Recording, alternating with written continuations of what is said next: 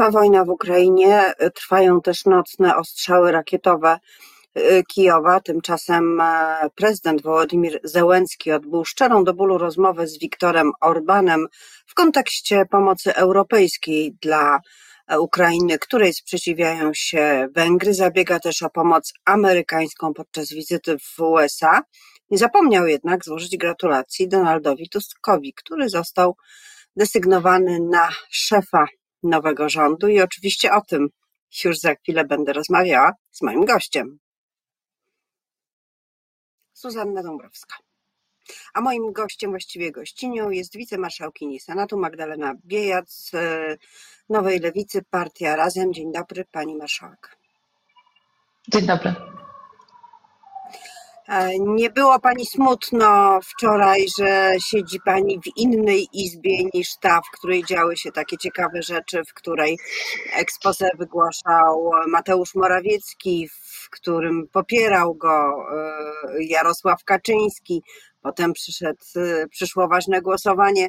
Jest pani w Senacie. Czy nie jest tam zbyt spokojnie w takich dniach?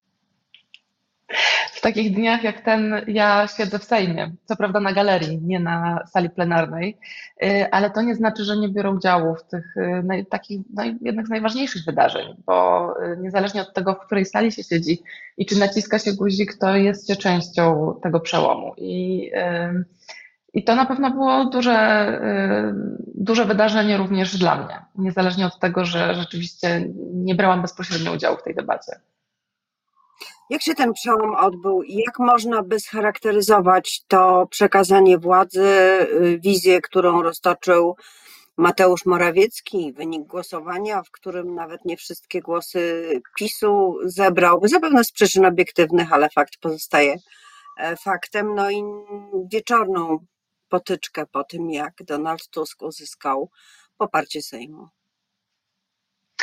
Muszę powiedzieć, że nie sądziłam, że po tych dwóch tygodniach udawania, że żyjemy w alternatywnej rzeczywistości, e, premier Morawiecki jeszcze mnie czymś zaskoczy, ale jednak e, wystąpił w Sejmie jako wielki orędownik praw kobiet, jako feminista, e, jako zwolennik demokracji i prawdziwego dialogu z opozycją, co no, muszę powiedzieć, że było dość interesującą szarżą, nawet właśnie jak na te ostatnie dwa tygodnie, w czasie których przekonywano nas, że na pewno zbierze większość.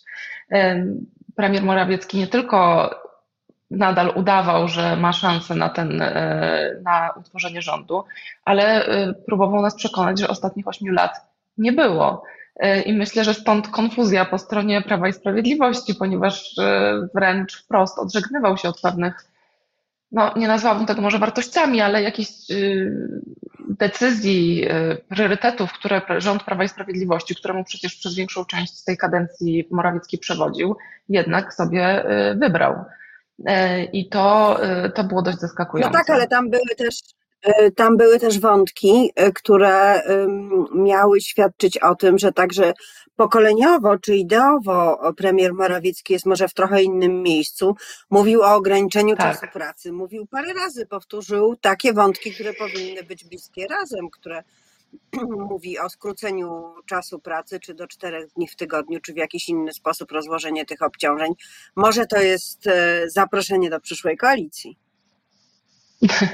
Myślę, że to raczej jest próba Myślę, że to raczej jest dowód tego, że premier Morawiecki, już nie premier, e, miał, e, nie miał kompletnie pomysłu na to wystąpienie i e, próbował, nie wiem, może próbował na ostatnią chwilę nas wszystkich zaskoczyć, może próbował na ostatnią chwilę, w tym ostatnim momencie jakoś wykorzystać ten ten spotlight, ten bycie w świetle reflektorów, żeby jeszcze, żeby jeszcze, no właśnie, zaskoczyć nas czymś, żeby dać nam asumpt do dyskusji. No i najwyraźniej to mu się udało, bo rzeczywiście wczoraj śledziłam też komentarze i wiele osób było, było zaskoczonych po prostu tym, e, tym stanowiskiem e, premiera.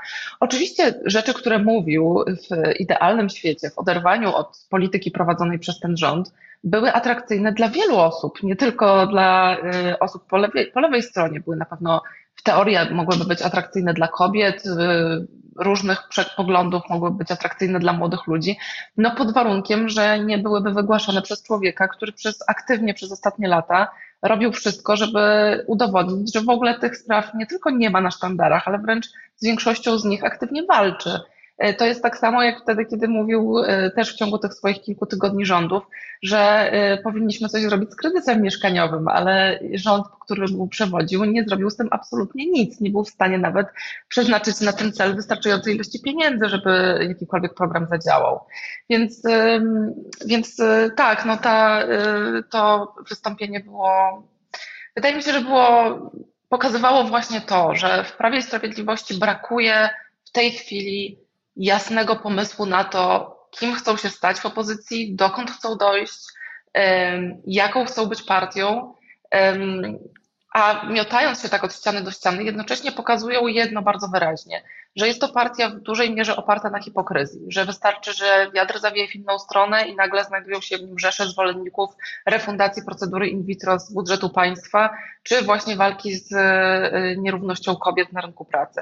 No więc. E, Ale wydaje mi się. Ja się cieszę, że to już wydaje mamy mi się, Pani Marszałek, E, że taką wizję o tym, jaki ma być PiS, ma e, prezes Jarosław Kaczyński. On się wczoraj trzy razy wokół kamer pojawił, raz kiedy w imieniu klubu popierał e, premiera Morawieckiego, potem raz na korytarzu, kiedy przechodził między dziennikarzami, no i na koniec dnia mm, ostatnie słowo do niego należało podczas tej debaty i, i głosowania w sprawie premiera Donalda Tuska. Wydaje się, że on wie, jaki ma być PiS, ale niekoniecznie ma być to partia, która jest e, choćby sympatyczna.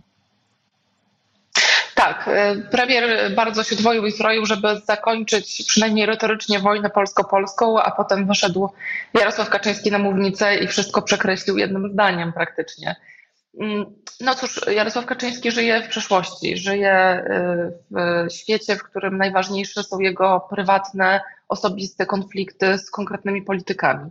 Żyje w świecie, który już nie interesuje większości Polaków, który dla większości Polaków jest wręcz niezrozumiały, bo co roku do pełnoletności osiągają kolejne pokolenia ludzi, y, którzy nawet nie rozumieją, o czym on mówi którzy nawet nie rozumieją, y, czym on się, dlaczego on się unosi y, i na czym jego, skąd jego emocje się biorą. Prezes Kaczyński myślę, że też nie przedstawia żadnej wizji Prawa i Sprawiedliwości. To nie jest tak, że on jakąś wizję ma.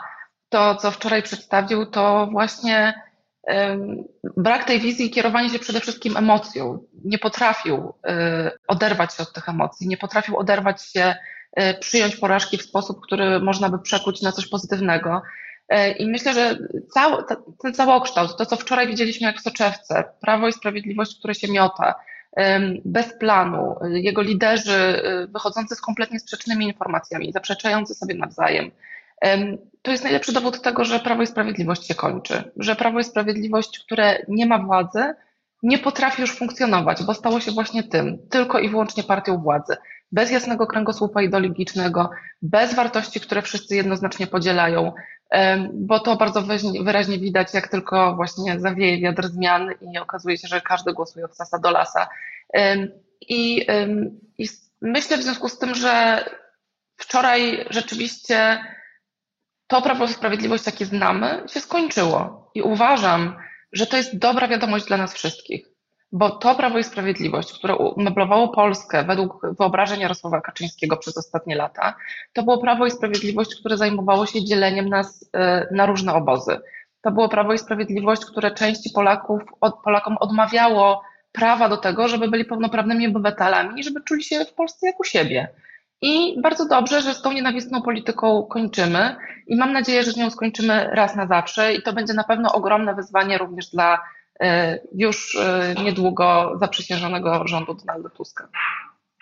Jeszcze jedno pytanie takie bardzo konkretne w tej sprawie. Czy pani na miejscu Donalda Tuska podałaby Jarosława Kaczyńskiego do sądu za te słowa o tym, że Tusk jest e, niemieckim agentem? To było coś, co wykracza poza zwykłą kłótnię, polemikę, czy nawet tak zwaną awanturę sejmową i mam wrażenie, że chyba wszyscy to uznali, że to zachowanie na koniec wczorajszego posiedzenia było wyjątkowe.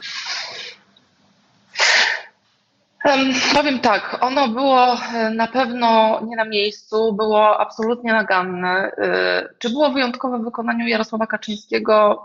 Obawiam się, że nie. E, natomiast jeśli chodzi o podawanie go do sądu, wie pani, pani redaktor, ja mam doświadczenie również z licznymi atakami na mnie. Pewnie nie dzieją się one w takim świetle reflektorów, ale niedawno w czasie kampanii, czy tuż, te, też przed, tuż przed zaczęciem się kampanii, E, byłam ataki, e, obiektem ataków Romana Giertycha, które również były mocno bezpardonowe i nie przebierał on w słowach. E, I w związku z tym, opierając się na tym doświadczeniu, nie radziłabym Donaldowi Tuskowi podawania do sądu Jarosława Kaczyńskiego, ponieważ uważam, że nie ma sensu dawać więcej tlenu ludziom, którzy nie potrafią zachować się w sposób odpowiedzialny w debacie publicznej, którzy kierują się tylko ślepą nienawiścią, którzy szerzą tę nienawiść e, i którzy po prostu naszą debatę publiczną niszczą. Im mniej tlenu, im mniej przestrzeni, tym lepiej. Czas, żebyśmy po prostu o Jarosławie Kaczyńskim zapomnieli. Dzisiaj dalszy ciąg, jak mówią niektórzy, Sejm Flixu, czy Sejm Flixa, czyli yy, kolej na Donalda Tuska, na to, żeby powiedział, Zacznie się to już niedługo e, o 10, żeby powiedział, jaką ma wizję Polski i swojej pracy e, jako premier. Czego się pani spodziewa, albo inaczej, czego pani oczekuje po tym expose? Ja oczekuję spojrzenia w przyszłość. Oczekuję tego, że dzisiaj usłyszymy wizję Polski. Dzisiaj nie będziemy słyszeć o właśnie o tym, co poprzednicy zrobili źle, ale o tym, co nowy rząd chce zrobić dobrze. W jaki sposób chce E, zagospodarować ten, tę ogromną emocję, która się pojawiła w czasie, e, w czasie wyborów, e, tę nadzieję i pokładaną w nas, w politykach demokratycznych, demokratycznej do wczoraj jeszcze opozycji. I, mm, i, i pokazać, oczekuję, że pokaże, że że wie i że będzie pamiętał, że to, że wczoraj pożegnaliśmy się z rządem Prawa i Sprawiedliwości, to jest zasługa właśnie tych wszystkich ludzi, którzy zmobilizowali się i poszli do wyborów i że rozumie to zobowiązanie i będzie się e, będzie starał się, je, e, się mu sprostać po prostu. Zwłaszcza jeśli chodzi właśnie o kobiety, bo mobilizacja kobiet, do których wszyscy apelowaliśmy w kampanii, była ogromna i dziś należy się im za to wdzięczność i także po prostu spełnienie ich postulatów, tych, z którymi szły do wyborów, tych, które motywowały je do tego, żeby popierać partie demokratyczne. 248 podpisów pod y, wnioskiem e, zgłaszającym Donalda Tuska na premiera, a to oznacza, że są tam też e, podpisy polityków e, partii Razem, która nie wchodzi do koalicji. To po co podpisywać wniosek, jeśli potem nie bierze się udziału w korzystaniu z władzy? To jest prosta y, konsekwencja tego, co mówiliśmy. Powiedzieliśmy jasno, że chcemy, żeby ten rząd powstał, że uznajemy i rozumiemy wolę wyborców i że w związku z tym zagłosujemy za wotum zaufania za tym rządem. W związku z tym, y, kiedy poproszono na, naszych posłów, żeby podpisali się pod tym wnioskiem, po prostu to zrobili. To jest zwykły gest, który pokazuje, że dajemy temu rządowi kredyt zaufania i, i będziemy się mm, przyjaźnie, a czy również krytycznie mu przyglądać. A jak duży jest ten kredyt? W jakiej wysokości i czego dotyczy? Bo wśród spraw wymienianych przez razem znalazła się aborcja, ale nie tylko. Były konkretne rzeczy dotyczące nakładów na naukę, dotyczące nakładów na ochronę zdrowia, E, dotyczące e, także związków osób tej samej płci. E, więc co jest najważniejsze i co, jak daleko sięga ta wasza lewicowa wyrozumiałość wobec nowego rządu, w którym też są wasi koledzy z tego samego klubu parlamentarnego, koledzy i koleżanki? Tak, e, w rządzie nowej, e, w rządzie, e, w nowym rządzie Donalda Tuska są przedstawiciele nowej lewicy i ja się z tego bardzo cieszę. I cieszę się, że będę mogła z nimi pracować i ich wspierać. E, chociażby z, w takich sprawach, które są dla nas ważne, z Katarzyną Kotulą e, jako e, pełnomocniczką do spraw równości, czy z Agnieszką Dziemianowicz-Bąk jako ministrą polityki społecznej i pracy, która, jak pani redaktor wie, jest dla nas kwestią kluczową, czy wreszcie z Dariuszem Wieczorkiem jako ministrem nauki. My jesteśmy przekonani, że ten rząd w wielu sprawach sprosta swoim wyzwaniom, zwłaszcza tym dotyczących, tych dotyczącym E, poprawienie naszych relacji z Unią Europejską, e, kwestią praworządności, uporządkowania tutaj tego niezwykle zawikłanego problemu, e, czy odzyskaniem pieniędzy z KPO.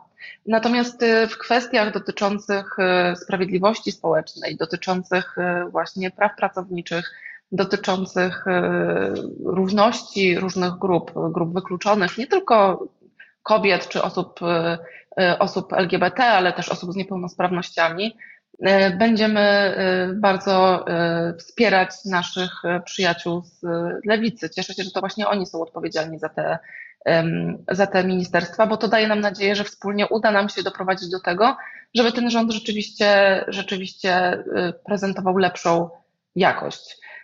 I, I tyle, tak jak mówiliśmy, będziemy popierać dobre rozwiązania, a tych złych nie. A w czasie, kiedy mm, koledzy z Nowej Lewicy będą zajęci rządzeniem, to co będzie robiło razem? Jaki jest Wasz pomysł na tę kadencję? Nadal parlament będzie ważną przestrzenią debaty politycznej i wykuwania się nowych projektów. Część tych, zgodnie z zapowiedziami liderów, duża część tych projektów, które nie uzyskają konsensusu w ramach rządu, będzie przechodziła przez parlament i będzie podlegała debacie. E, jedną z takich, jednym z pierwszych takich tematów będzie oczywiście kwestia dostępu do aborcji. Więc przed nami bardzo dużo pracy. Dużo pracy w parlamencie, dużo pracy, jeśli chodzi o tworzenie większości wokół tych tematów, które no właśnie nie uzyskały konsensusu ze względu na bardziej konserwatywną część tego rządu, ale które są ważne dla wyborców i wyborczyń, nie tylko lewicy, i o które obiecaliśmy, się, obiecaliśmy, że będziemy walczyć. I ta walka w parlamencie no tak, ale... przed nami i, y, jest kwestią absolutnie kluczową dla wielu osób, które dzisiaj do nas i piszą, i zaczepiają nas na ulicy i pytają, co dalej z tymi sprawami. No właśnie, co dalej z ustawą ratunkową, e, bo to jest jedna z takich, e, z takich kwestii. E, Lewica to złożyła jako swój pierwszy wniosek. To się, mówi się o tej ustawie, że to jest ustawa Biejat, bo to pani była inicjatorką w poprzedniej kadencji powstania takiego, takiego projektu, ale ten projekt się zmienił został zaostrzony już po złożeniu, jest poprawka, czy ma szansę zostać uchwalony i czy to zaostrzenie ewentualnie nie przeszkodzi w uzyskaniu poparcia niektórych posłów i posłanek trzeciej drogi? Ja uważam, że może tak, większość, jest bardzo dużo posłów i posłanek trzeciej drogi, którzy są w stanie poprzeć ten projekt w takiej wersji, jaki jest. Y, on w tej wersji jest projektem, tak, idącym nieco dalej niż ten, który ja zaproponowałam i projektem, który y, ja z całego serca popieram, ponieważ uważam, że y, jest on po prostu bliższy też naszemu rozumieniu tego, jak powinno prawo wyglądać, żeby, mm, żeby rzeczywiście wszyscy w Polsce, którzy chcą wspierać kobiety, które potrzebują aborcji, czuli się po prostu bezpiecznie. Bo przypominam, że ustawa, y, o której mówimy, to jest ustawa po prostu znosząca kary za więzienia, nawet w najostrzejszych przypadkach, za pomoc przy przerwaniu ciąży ze zgodą kobiety. I teraz wiele osób z trzeciej drogi za, za już mówiło, że będzie ten e, projekt popierało, że jest w stanie podnieść za nim rękę. Są takie osoby, które będzie trzeba przekonać i będziemy z nimi e, o tym rozmawiać, będziemy ich do tego przekonywać. Natomiast e, jeśli to się nie uda, jeśli nie uda się przekonać do tego projektu, to będziemy wracać do tego nieco bardziej konserwatywnego, tego nieco bardziej okrojonego, ponieważ jakiekolwiek, jakakolwiek zmiana w ramach obecnej obecnego prawa będzie zmianą na lepsze. Ale jest nowe otwarcie, mamy nowy rząd i uznaliśmy, że skoro tym razem nie musimy przekonywać Prawa i Sprawiedliwości do tego, żeby poparł projekt dekryminalizacji aborcji, tylko rozmawiamy z jednak bardziej postępową, mam nadzieję, demokratyczną większością, to warto przedstawić projekt bardziej ambitny i taki projekt y, będziemy starali się przeprowadzić w Sejmie. Jestem też przekonana, że y, jest przestrzeń do tego, żeby rozmawiać o tym projekcie również, również z prezydentem Dudą. Uważam, że nie możemy traktować prezydenta jako wymówki do tego, żeby nic nie robić.